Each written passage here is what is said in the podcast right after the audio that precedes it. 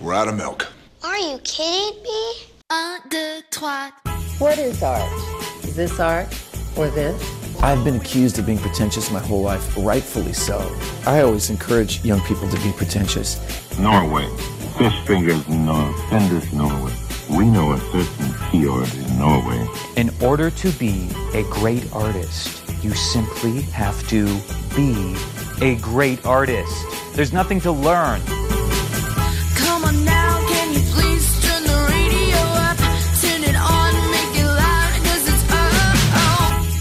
Skumma kultur på studentradioen i Bergen. Som en dårlig skrekkfilm er vi i Skumma kultur tilbake hver mandag. Og eh, her er vi igjen. I studio i dag så har du Mathea Lægland. Kristine Hausken Kjernsen. og meg, Oskar Fugelsnes. I dag er temaet halloween, og vi skal snakke litt om disse tinga her. Kostymekulturen, liker du å kle deg ut? Mathea Aasild har intervjua de som står bak eh, hovedproduksjonen til Immaturus, Renset.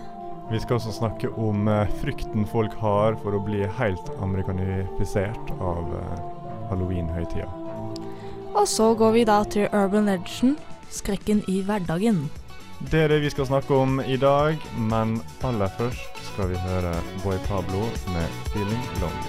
Du hører på Skumma kultur på studentradioen i Bergen. Velkommen tilbake igjen til Skumma kultur. Vi er alltid klar til å snakke om eh, det beste av kultur for dere, og i dag er jo det halloween. Men først skal vi snakke litt om hva vi har gjort den siste tida. Kristine, hva har du gjort siden vi så deg sist? Eh, Jeg har tatt livet av Donald Trump. Tatt livet av Donald Trump? Det må, Ja. det må forklares. Ja. Nei, jeg, jeg er jo med i Bergen Realistforening, som arrangerte helhus nå på lørdag. Så vi har eh, lagt veldig mye halloween-pynt. Og da, da fikk jeg i oppgave med å lage noen sånn gravstøtter, og så var jeg sånn OK, men kan jeg ta livet av hvem som helst? Og det er bare Ja, ja, bare kjør på. Og jeg bare sånn Kan jeg ta livet av Donald Trump? Og så, som den politikkstudenten jeg er, da, så måtte jeg bare ta livet av politikere. Så jeg personlig lagde Donald Trump, drepte han på lørdag. Eh, så lagde vi Knut Arild Hareide, som tok politisk eh, selvmord nå nylig. Så var det en Marine Le Pen, og så er det jo de klassiske kjendisene. Men eh, Store Ja. da på eh, Knut Arild Hareide sto det liksom dødsårsak politisk selvmord? ja, også oktober 2018. Det er faktisk eh, Det er veldig perfect. Jeg var Ja. ikke på Helhuset, dessverre, så jeg fikk ikke sett den vakre pynten. Nei, det er jo trist. Nei, vi sto på i hele går og pynta, så jeg håper det ble en bra kveld. Men jeg heller var ikke ute i går, så ja. Samboeren min var der, og hun sa det var veldig bra. Å ja, men eh, det er nice. Det er nice. Du da, Mathea. Hva, hvordan har uka di vært? Eh, ikke mye. Jeg var veldig hektisk på fredag da med at jeg hadde en innlevering, og så skulle jeg se generalprøven av Immaturus renset. Og så var jeg på halloweenfest på Afontes rett etterpå. Så Ja, det, Oh, synes det høres gøy. ut. Det Ja. Å ha mye å gjøre er jo bedre enn å ha lite å gjøre. Altså, Ja, du syns det? Fordi jeg er kommet til et punkt nå der jeg har så mye å gjøre at jeg går litt rundt meg sjøl og sier sånn Hm, kanskje jeg skal sakke litt ned. Men når jeg ikke har noe å gjøre, så blir jeg sånn ja, for da må, du, da må du ha på en måte noe å gjøre på.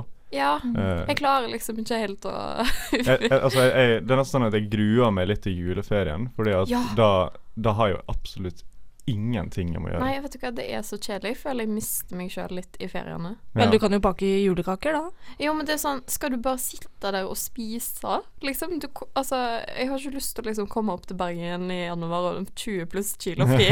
Kun ha bakt julekaker og spist det, liksom.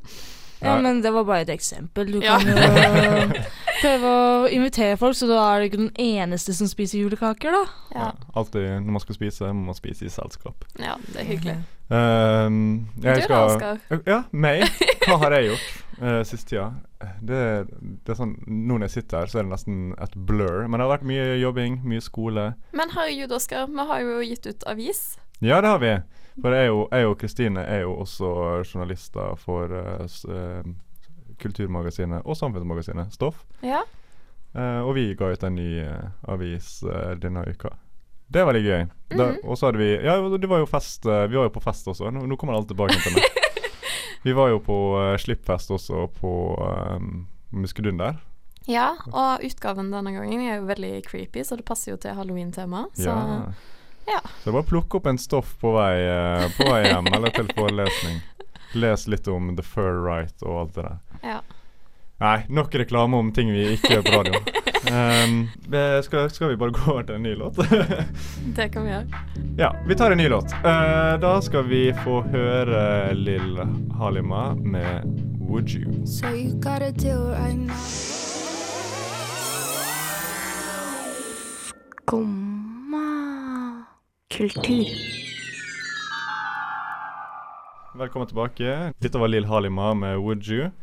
Eh, nå skal vi snakke litt om eh, kostymebrukere og kostymekultur. Mathea sitter jo her i sitt eh, kostyme med maling rundt øynene og edderkopper på hendene. Så eh, Der dunka hun borti mikrofonen. Eh, eh, Det går fint. Det går fint. Eh, og eh, ja, det er jo litt sånn halloween-stemning her inne da. Hvordan dere, hvordan dere stiller dere til eh, å kle dere ut på halloween? Nå, nå skjønner jeg litt hvor du står, Mathea. Men ja, vil du, vil du starte, Mathea? Ja, jeg ser det med at du burde kle deg ut hva du vil, og ikke føle deg pressa til å kle deg noe du ikke har lyst til å gjøre. Så for eksempel hvis du har lyst til å kle deg ut fra en karakter fra en film, bare gå for det. Til og med hvis det ikke er det samme skjønnet du har, for det fins noe som heter genderbending, så Ja, det ser man på sånn Comic-Con og sånne ting. Da er jo det Da er jo folk det de vil, liksom. Ja, Så det er det jeg syns er litt viktig, med at du kler deg ut hva du vil, og vær selvsikker, fordi Men liker du, liker du å kle deg ut? Er det en ting du gleder deg til med halloween? Ja, jeg kan prøve å være litt kreativ, i hvert fall når det kommer til sminken. Men at eh, da trenger du ikke å være bekymra for at sminken ser litt dårlig ut, for da kan du få gjøre det sånn at det ser litt messy ut. Spesielt hvis du skal prøve å etterligne en eh, gråtende brud. Så kan du ikke være bekymra for at uh, maskaraen renner. Du da, Kristine? Er du en fan av eh, utkledning? Nei. Nei. Jeg hater å kle meg ut. Sånn, det er det verste jeg vet. Jeg vet ikke om det er sosial angst eller hva det er, men jeg bare blir så ukomfortabel i kostymer, iallfall på offentlig transport. Jeg blir flau når jeg ser folk i dårlige kostymer på Bybanen. Men hvis Liksom. noen er i bra kostyme, da? Da er jeg sånn hm, OK, bra gjennomført, good job, liksom. Men jeg syns bare det er skikkelig kleint, liksom. Ah. Så det, det er liksom Men er det liksom greia med å skille seg ut uh, altfor mye, da? Eller liksom Nei, fordi altså jeg jeg føler liksom at jeg, stilen min er jo ikke helt mainstream, så det Jeg tror ikke det er der det ligger, liksom, men jeg, jeg vet ikke, jeg bare liker ikke hele den der eh, badedrakt-stoff-kostymestilen. Men jeg syns det er veldig gøy med kostymer som faktisk er ekte klær. At du liksom har brukt noe du har fra før av, og det liksom Ja, kanskje du er en filmkarakter, men det liksom At det ser litt mer normalt ut. Ja. Jeg vil, jeg vil kle meg ut uten at det ser ut som jeg har kledd meg ut. ja Sånn. du, vil- men du vil jo på en måte at folk skal tro på at du er den karakteren du skal være, da. Ja, jeg, jeg syns det blir litt sånn kleint når det er sånn Du ser at dette her kostymet har du kjøpt for eh, 200 kroner på en leketøysjappe. Det syns Ja. jeg ja. Ja, Det blir ofte sånn med meg, for jeg får aldri, jeg får aldri tida til å Eller halloween sniker seg så fort opp på deg. ja, nei, jeg har egentlig hatt en sånn drøm om å bestille en sånn maske på, på eBay, sånn Putin eller noe, bare komme opp i dress. Men det er sånn, som du sier, bare glem ut at halloween skjer. Plutselig så er det ei uke til halloween, og så er det for seint å bestille ting, og så Ja. Jeg har liksom hver, hver halloween, eller sånn hver august, så tenker jeg ah, denne halloween her, så skal jeg ha det beste kostymet. Og så drar jeg på sånne kostymebutikker, og så begynner jeg å planlegge. Skal jeg ha det og det og det og det. Og så plutselig så er halloween der, så bare Oi, shit. Jeg er ikke Det er mye mer For å si ifra, det er lurt å faktisk planlegge måneder på forveien når det kommer Ja. til kostymer og sånt. Eh, jeg ordna i hvert fall to kostymer til denne halloween nå. Ja, eh, så var, jeg det var på våren, men så var jeg litt heldig med at jeg fikk eh, en hette og en maske på våren, da, så da tenkte jeg ja, du, dette her kan jeg bruke som et Ja. kostyme. Men jeg har jo egentlig planlagt jeg å si, mitt kostyme ganske lenge, men så har jeg jo ikke kledd meg ut fordi jeg syns det er kledd. Men uh, planen min var å gå, gå som hun eh, Det er ei gammel dame i Bergen sentrum som går i sånn ensfarga antrekk. Sånn, yeah. Noen ganger så er hun gul, andre ganger så er hun blå, og så rød, og så videre. Så planen min var å gå for den gule versjonen. Ja, altså kle- går du rundt med Ikea-pose og Ja, så kanskje 31. oktober så ser dere meg i helgult antrekk. Og går rundt på Torgallmenningen. ja, ja. Men, Kabalhjerter. men eh, du nevnte jo det der med å kjøpe kostyme og sånn, det med at eh, det er opplagt et kjøpt kostyme. Dette Ja. irriterer meg når det kommer til i hvert fall sånn skjønnsdeling av kostymer, med at eh, når du er jente, så er det vanligvis mest slutty antrekk Ja, du får og det er jo jeg veldig ukomfortabel med, fordi altså jeg tenker sånn, det er helt greit hvis du liker sånn tettsittende utringning og sånne greier til vanlig når du går ut på byen, men sånn som meg, da, er det noe jeg aldri går for, så det å plutselig måtte liksom ta på meg noe sånn på halloween, det føles bare helt feil. Men det er kanskje derfor jeg òg er litt sånn Å nei, kostymen, det liker jeg ikke, liksom. Jeg merker, jeg syns det er så sykt eh, Eller det er, sånn, det, det er ubehagelig på en måte å se på uh, Ja. småjenter og sånn, sånn underårige jenter da gå rundt på gata med sånne ja, slutty nurse da, og sånne ting. Ja, ja. Og så er det liksom sånn du, du ser på det og tenker bare dette, er, dette er feil. Men jeg husker liksom helt fra jeg gikk på ungdomsskolen, så var det alltid sånne jenter som gikk rundt og sa Ja, men halloween er unnskyldningen til å være hora for en dag. jeg er bare sånn Nei! Nei, det funker ikke for meg, altså. Nei, halloween er en unnskyldning for å kle deg ut som en annen person. Og Ja. hvis du, og, ok, hvis du har lyst til å være litt hårete på halloween, så skal du få lov til å være det. Men jeg skulle ønske at det fantes andre varianter enn bare slutty-kostyme når det kommer til jenter. For eksempel, et godt eksempel er når det kommer til djeveldrakta. Jenter får vanligvis en sånn kjole med horn og sånne ting som skal se litt sånn sexy ut. Guttene kan få en kappe bare og en dress med horn, så de er litt sånn vanlig. Ja. Vi, vi er karakteren, mens de er den sexy elskeren. Ja, så jeg skal Selvfølgelig, dette fører jo til at du må være kreativ sjøl med kostyme og Mm. sånt, men du må faktisk lage ditt eget kostyme, men eh, det er ikke alle som har Eller du kan kjøpe herreversjonen. Sånn Ja. eh, Ja, altså, Jeg så er min mote nå hadde lagt en sånn reportasje der de var på sånn kostymebutikk, og hun prøvde liksom på herremodellen av kirurg, og så var det en sånn zombie-jenteversjon. Mhm. Og hun så jo dritfet ut i det herrekostymet, Ja, liksom. så de har jo dem i forskjellige steder, var- Ja, og det var jo liksom en legit eh, kirurgkostyme, mens den andre var liksom sånn T-skjorta nesten med litt blod på, med sånn glidelås som gikk helt ned, og det var sånn åh. Du så bare på henne òg at hun var skikkelig så ukomfortabel. Bare sånn Dette her er virkelig ikke meg. Nå eh, skal vi eh, gå over til eh, intervjuet som du hadde tidligere denne uka, Mathea. Har, du, har du lyst til å introdusere intervjuet ditt? Ja.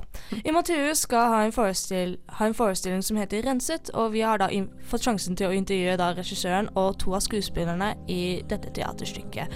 Jeg og Åshild er den som intervjuer. Det gleder vi oss til. Og eh, nei, først skal vi høre 'Everything in its right place' av Radiohead. Du hører på Skumma kultur. På studentradioen i Bergen.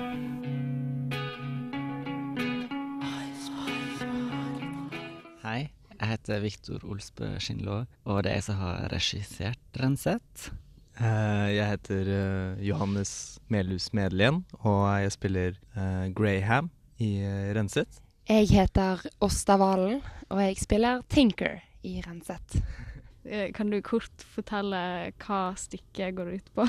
Um, Renset, det handler om en gruppe karakterer, forholdet mellom de, folk som er forelska i hverandre, og ting de gjennomgår uh, for å få oppleve kjærlighet, og for å gi sin kjærlighet, hva man er villig til å ofre. eh, reisen man gjennomgår, og å kontrollere andre for sin egen skyld. Hvis jeg skal definere det litt tydeligere, så handler det om en, en karakter som heter Tinker, som er på en måte en slags en, en, en person med makt, som utforsker forskjellige forhold og prøver å kontrollere de for sin egen del, kanskje. Ja, litt vagt, men Hvorfor valgte dere Renset? Hva fikk deg til å ta den, på en måte? Ja, det er en litt lang historie. Jeg skal være litt forsiktig med hva jeg uttaler meg om, men eh, jeg studerer teatervitenskap, og i fjor eh, så tok jeg sånn dramaturgifag. Der jeg måtte skrive en oppgave der jeg gjorde en dramaturgisk analyse av en tekst, og så valgte jeg Renset, den var på pensum. Eh, så så jeg den på Nationaltheatret i Oslo etter å ha jobba en del med den, og den fikk jo en del kritikk, kan jeg kanskje si, om et litt sånn voldelig rett opp i ansiktet på folk. Den, men den kom jo på en måte fra den tradisjonen.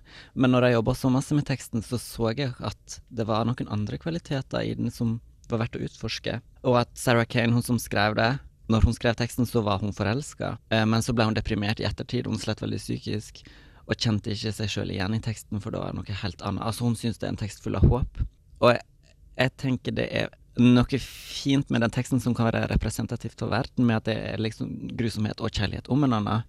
Jeg tror at teksten faktisk representerer virkeligheten, bare ikke sånn som vi opplever den dag til dag, men som folk opplever stykkevis. Enkelte ting skjer sånn på ordentlig, liksom. Og at det er masse glede med noe, masse grusomme ting, og vi må bare lære oss å håndtere det, på en måte. Eh, så jeg ville prøve å, å lage Renset med en annen kvalitet enn bare tortur. Og i tillegg til det også vil jeg utforske det som jeg kaller ambient dramaturgi, eh, som jeg også tror passer veldig godt til denne teksten, med at man opplever, opplever liksom en forestilling i en teatersituasjon, at man må gå gjennom scenografien, at aktørene er sammen med tilskuerne og gjør ting i lag, og at det ikke er et så tydelig skille. Det har jo òg vært litt vanskelig med rettigheter på teksten, hvor langt vi har kunnet utforske det. Eh, men det har absolutt vært en tanke bak.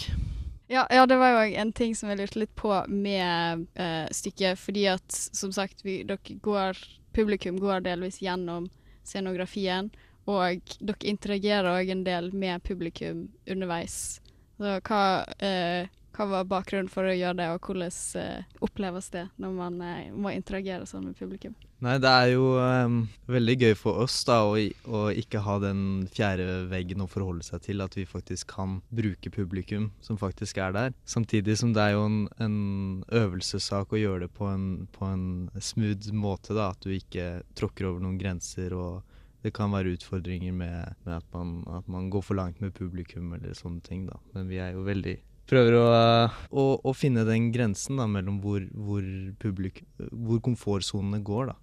Så, men det er jo Vi alle har jo denne interaksjonen. Både Graham og, og Tinker gjør jo veldig mye Ja, særlig Tinker ute i skuespillet har jo en ganske eh, interessant eh, publikumsinteraksjon. Samtidig som vi må på en måte som skuespillere se når en publikummer ikke har lyst til å eh, interagere, da. Fordi det er den komfortsonen også som må respekteres. Tanken bak det kanskje er vel at det tvinger publikum til å være til stede og oppleve det i sin egen kropp, i stedet for å sitte langt bak i publikum og analysere noen tegn oppe på en skjerm, nesten.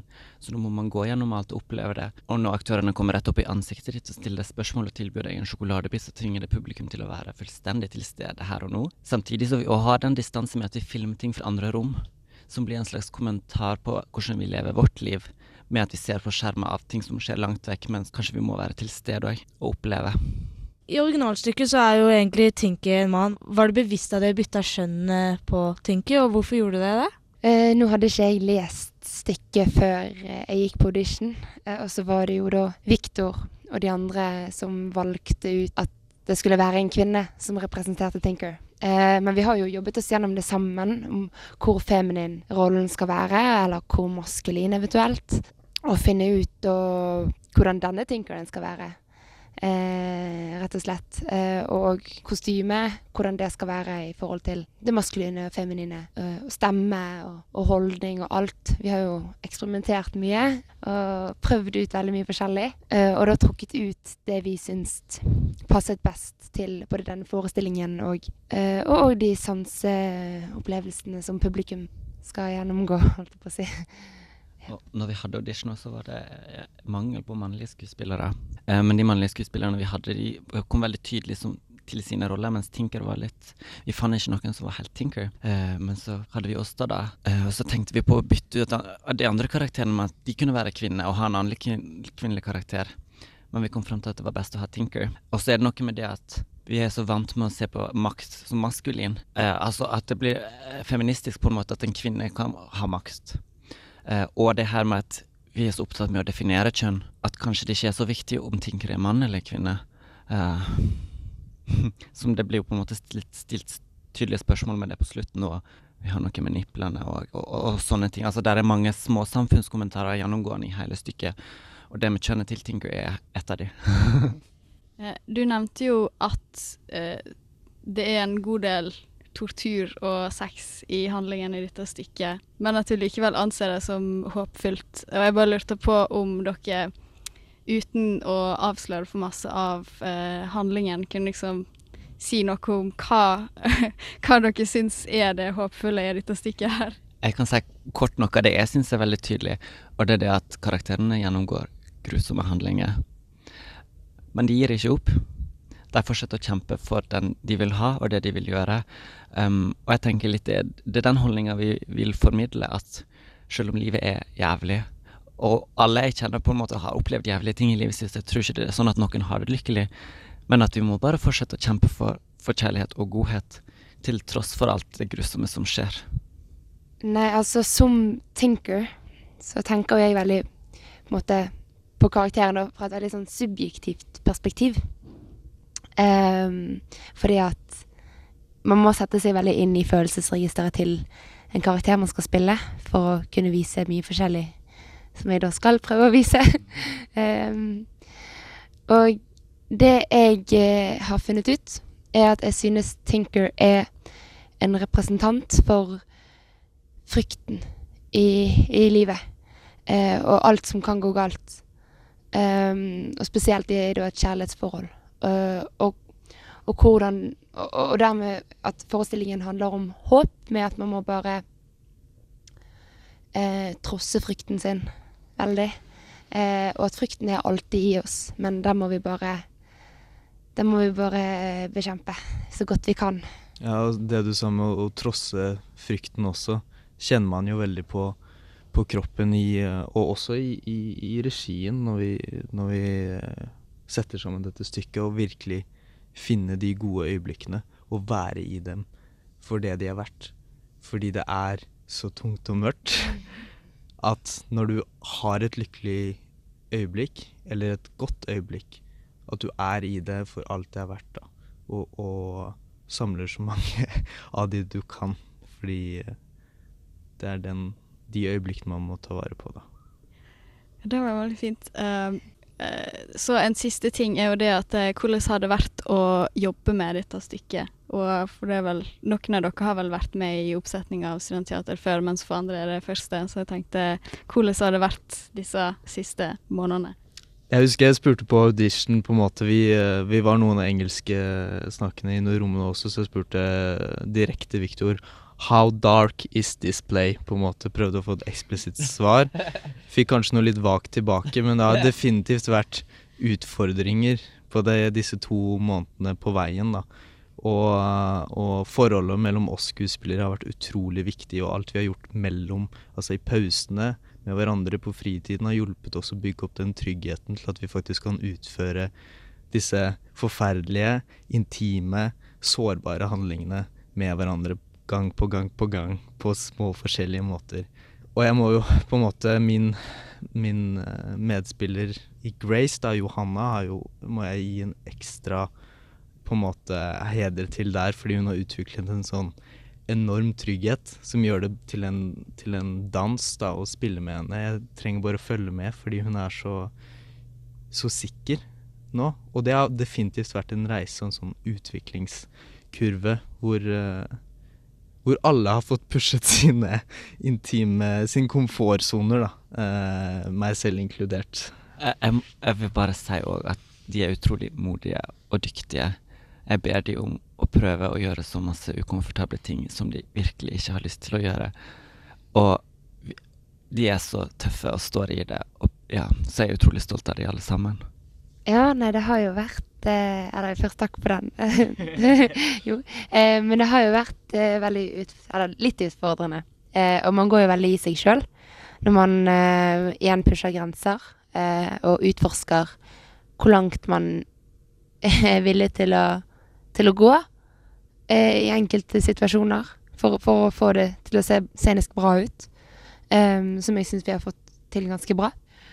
Og spesielt når man da går inn i et manus sånn som det, og finner eh, en rolle som eksempel Tinker, så merker jo jeg da at oi, jeg har mye av Tinker i meg. Nei, men, men det, nå er jo Tinker en helt grusom karakter, men man, man, man ser da disse tingene. Man ser òg Oi, man har mye av flere andre. Så finner man liksom aspekter av de forskjellige karakterene, og så finner man de igjen i seg sjøl.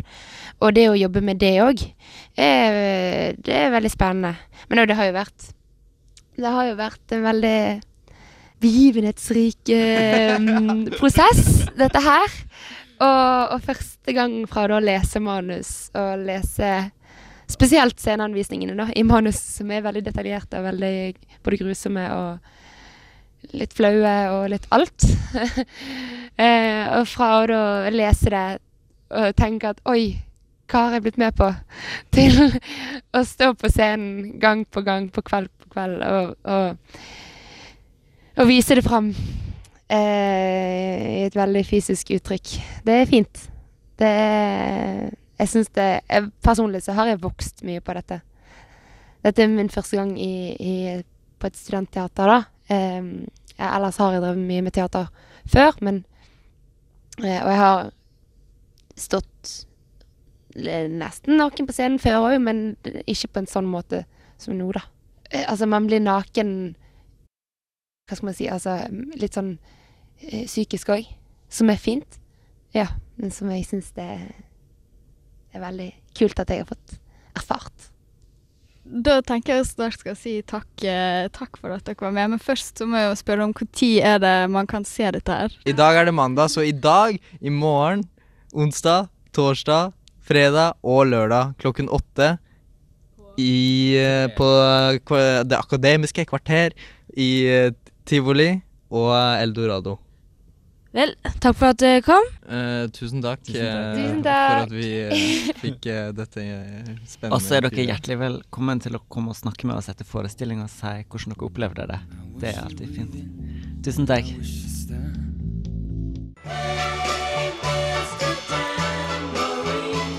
Mr. Tambourine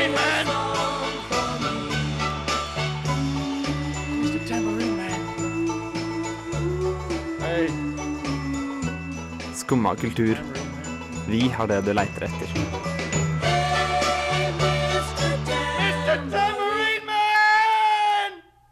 Vi har jo snakka om det å kle seg ut eh, på halloween, og når man kler seg ut halloween, så vil man kanskje gjerne pynte til halloween, og på en måte gjøre en stor sak ut av halloween. Mm. Men det er en del folk i vårt norske samfunn som ikke syns at vi burde gjøre dette. Altså det å pynte opp så kraftig til halloween. Ja. Uh, fordi at vi blir for amerikanske. Mm. Ja, har du en tanke om det, Mathea? Ja, for det første, halloween er ikke en amerikansk tradisjon, det er en irsk tradisjon med at eh, det var en innhøstningsfest i Irland, og igjen, det var også en årstid der hvor du så sjansen med at folk fra de døde kommer nærme, for det er en På den dagen på halloween så var dødens rike med åpne til vår levende verden, pluss at eh, den andre tradisjonen, som er The Day of the Dead, som er dagen etter, er en det er en meksikansk tradisjon. Så når folk sier at eh, halloween er en amerikansk tradisjon, så vet de ikke så mye om halloween som de egentlig tror. Men, altså, men hva er egentlig en amerikansk tradisjon? De jo, alt, de har, er jo eh, tatt fra andre. Ja, nei, Um, jeg tenker liksom at det de sikter til når de sier amerikansk, er egentlig det kapital kapitalistiske aspektet med det, med at du skal kjøpe inn så mye, alt skal være så flott, alt skal være så stort, alt skal være så gjennomført. Og jeg Altså, ja, jeg, jeg skjønner veldig godt den, men så er jo sånn Dette er skikkelig dårlig for miljøet. Du kjøper inn masse plast og henger det opp. Du kjøper masse syntetisk spindelvev. Og det er liksom veldig mye styr, og jeg merker at jeg, jeg sliter litt med det. Mer enn egentlig kapitalist, den kapitalistiske delen av det, da. Miljødelen. Ja, fordi altså, du kommer jo til å kaste disse dekorasjonene etter engangsbruk, og det er litt sånn provoserende. Vi er faktisk ganske flinke eh, hjemme hos oss å ta vare på pynten til neste år. Ja, det er jo egentlig det som er hele poenget. Når du kjøper en pynt, så skal du også bruke det til neste år. Men at Ja. du kaster dem, så er det ikke særlig smart, fordi du kan bruke dette spinn du vever til neste år òg. Ja, nei, jeg bare har på følelsen av at veldig mange tenker at det er sånn, men det er jo dritbra at dere også driver og sparer på det, liksom. Ja, det er- Personlig så eier jeg ingenting og har aldri kjøpt noe. Men igjen, Jeg kjenner en som har halloweenpynt, og hun har det til neste år og sånn. Det er sånn som med julepynt, med at du Ja. kjøper det inn til å ha det til neste år og sånne ting. Det samme er det med halloweenpynt Ja. nå. Så folk som bare kaster halloweenpynt, så må det bare være sånn engangsbruk-pynt de har hatt da. Ja. Men føler dere at halloween er en skikkelig høytid, som jul f.eks., eller påske? Nei, overhodet ikke. Jeg har liksom ikke klart å ha noe forhold til det. Også, men jeg har vokst opp med en mor som har vært litt sånn skeptisk. Da. Så når jeg var liten, så var det sånn Nei, du får ikke lov til å gå halloween, liksom. Men så har det blitt litt sånn mildere, og nå er- kan søsknene mine gjøre det, liksom. Men det var sånn skikkelig sånn strengt, så jeg har liksom hatt det litt sånn på avstand, føler jeg. Ja. Jeg syns det er litt uferdig å sammenligne halloween med julaften, med at julaften var jo en tradisjon før kristendommen kom inn.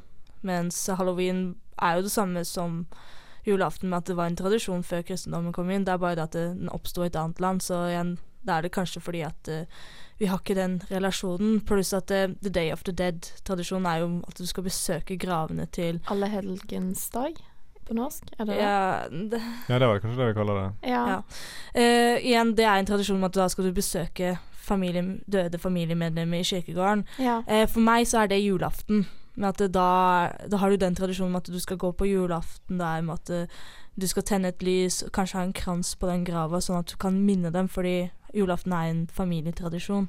Men hvis vi på en måte ikke sammenligner så mye hva tingene man gjør på halloween, da Uh, For det, sånn som, i hvert fall jeg, sånn som vi feirer halloween her i Norge, da sånn som jeg har uh, forstått det, i hvert fall, Mm. så er jo det på en måte mer en feiring og en festdag. Ikke sant? Du skal på en måte Man feirer jo på en måte mer eh, bare det at det er halloween, Ja. og ikke en ting man skal på en måte gjøre. Man eh, feirer kanskje ja, ja, tradisjonen av å kle seg ut.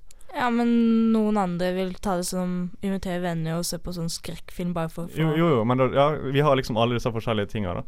Men og da, da tenker jeg sånn eh, hva, hva er egentlig det negative med å få inn en sånn høytid som man nå i dag ikke på en måte I hvert fall vi her i Norge, da. Vi, vi kobler ikke det opp til noe religiøst eller noe eh, eh, i den duren. da Så da blir det på en måte en, en, bare en festhøytid for å feste eller å ha det gøy. På en måte. Eh, jeg syns det, det er egentlig den perfekte høytida, da, når man ikke trenger Ja. å koble det opp til et uh, budskap bak ei, en religion eller noe annet. Jeg vet ikke, kanskje skepsisen oppstår med at det finnes så mye nye sånne ting nå. Sånn Valentine's Day, oktoberfest. eh, Ja. Ja, eh, men- Det blir kanskje litt too much, men jeg syns liksom av de jeg nevnte nå, da, så syns jeg liksom halloween er den vi bør satse på, liksom. Halloween, jeg syns det er litt bedre med at meningen er at du skal huske på de døde, men samtidig det er en mystisk dag. Det er noe Ja. Jeg gleder meg alltid til halloween. Jeg syns halloween er like gøy Nei, jeg lyver litt når jeg sier det, men jeg sier det likevel. uh, at jeg syns det er nesten like gøy som julaften. Shit. Det, jeg tror jeg må bruke litt tid før jeg kommer der, altså. Ja. Men det, det, men det er forskjellige grunner. da Det er forskjellige Ja. grunner Julaften så er det på en måte det å samles med familien, spise god middag, åpne gaver, gi gaver, alt det der noe. Mens på halloween så er det på en måte en unnskyldning for å være litt crazy. Men eh, når du sier det, så lurer jeg på hva du skal på halloween. Da skal jeg møtes med familien og spise god middag og Er ikke det, det sånn man feirer halloween? Og så kler alle seg ut i røde kostymer med skjegg og um, Ja. I hvert fall én medlem i familien gjør det. Nei da. Um, men da kan vi runde av der nå og eh, gå over til uh, en litt uh, halloween halloweenish låt. Vi skal høre 'Vampire' av uh, OK, Kaja. Du hører på Skumma kultur på studentradioen i Bergen. Spøkelseshistorie og urbane legender er jo en ting alle elsker å eh, fortelle om. Kanskje rundt et bål, ute i skogen eller i stua si på halloween. Du, eh, Mathea, har eh, noen urbane legender du vil snakke om i dag. Da kan vi starte med The Licked Hand. Den handler jo om, van om en jente for første gang som er aleine i huset sitt med hunden sin. Hun ser på nyhetene, og hun hører at det er en morder på løs. Så for sikkerhets skyld så låser hun dører og vinduer, men vanligvis så er det en vindu i kjelleren eller et annet vindu som er åpent. Så hun legger seg. Eh, hunden er enten i senga eller under senga. Så er det sånn at hun hører dripping, noe som drypper ned. Sånn. Dramatisk fortelling. Ja. Og hun bare for å være sikker på at hun er der, så tar hun hånda si i nærheten av der hvor hun skal være. Kjenner at det, det er noen som slikker på hånda hennes. Hun tror det er hunden, hunden sin, så hun går og legger seg. Dagen etter så våkner hun der hvor hun ser hunden sin være død, og på veggen så står det 'Human can licks too'. Ja, mennesker kan også slikke.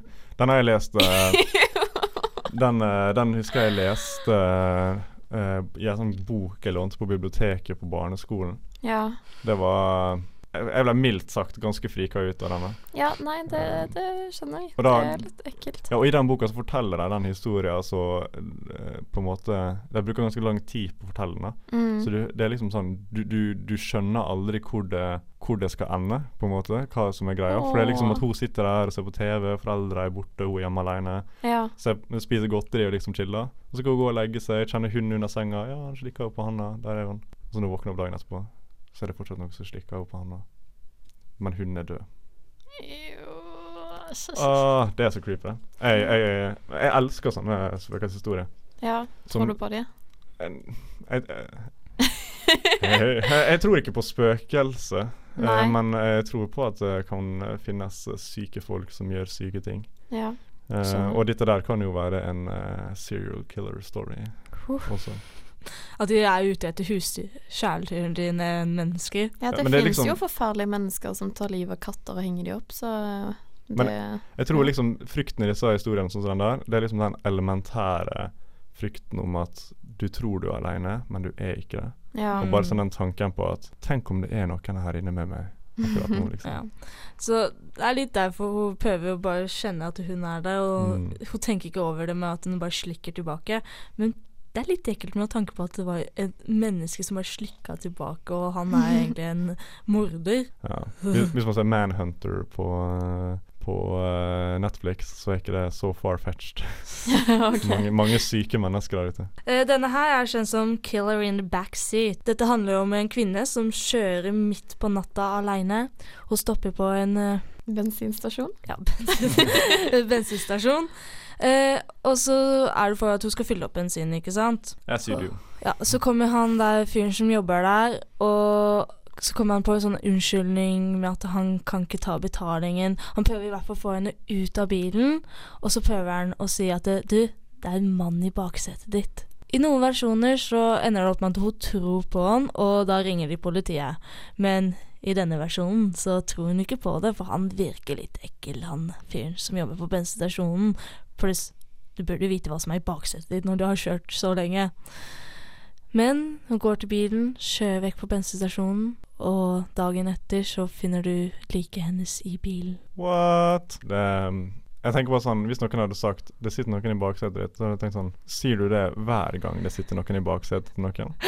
Hvis du, Ja. hvis du kommer der forbi med ungen i baksetet og sier sånn Du, det er unger i baksetet det, det er sånn rar ting å kommentere på. Ja, men men- ha, som instinkt hadde du ikke snudd deg da Jo. mot bilen? Sånn, jeg vet ikke. Ja, vel Men det er jo veldig creepy, da. Ja. Men uh, når du sier det med at det kan jo være kids i baksetet, så ble jeg litt sånn Da mista han litt sånn uh, Ja.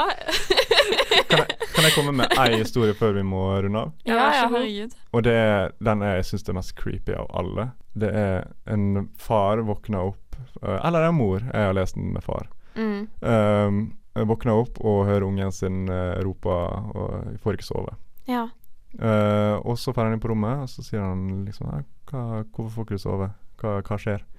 Så, 'Det er noen i skapet mitt.' Og så sier han 'Nei da, det er ingen i skapet ditt'. Og så skal han 'OK, jeg kan sjekke', så drar han bort i skapet, åpner opp døra, og så ser han sønnen sin sitte i skapet og sier 'Det er noen i senga mi'.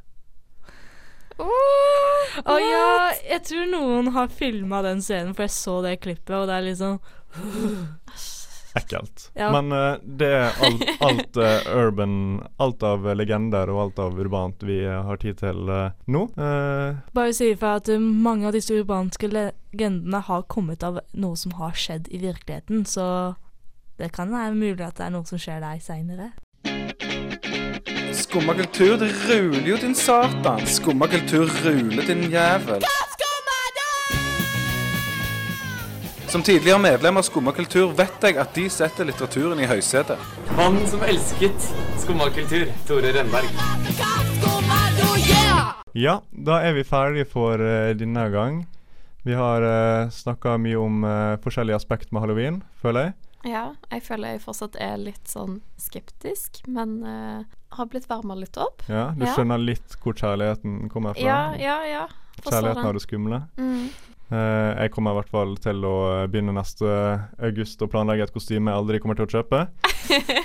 Eh, Start på mars. Start på mars. Kanskje bare bestille det i morgen, egentlig. Jeg syns det. Ja.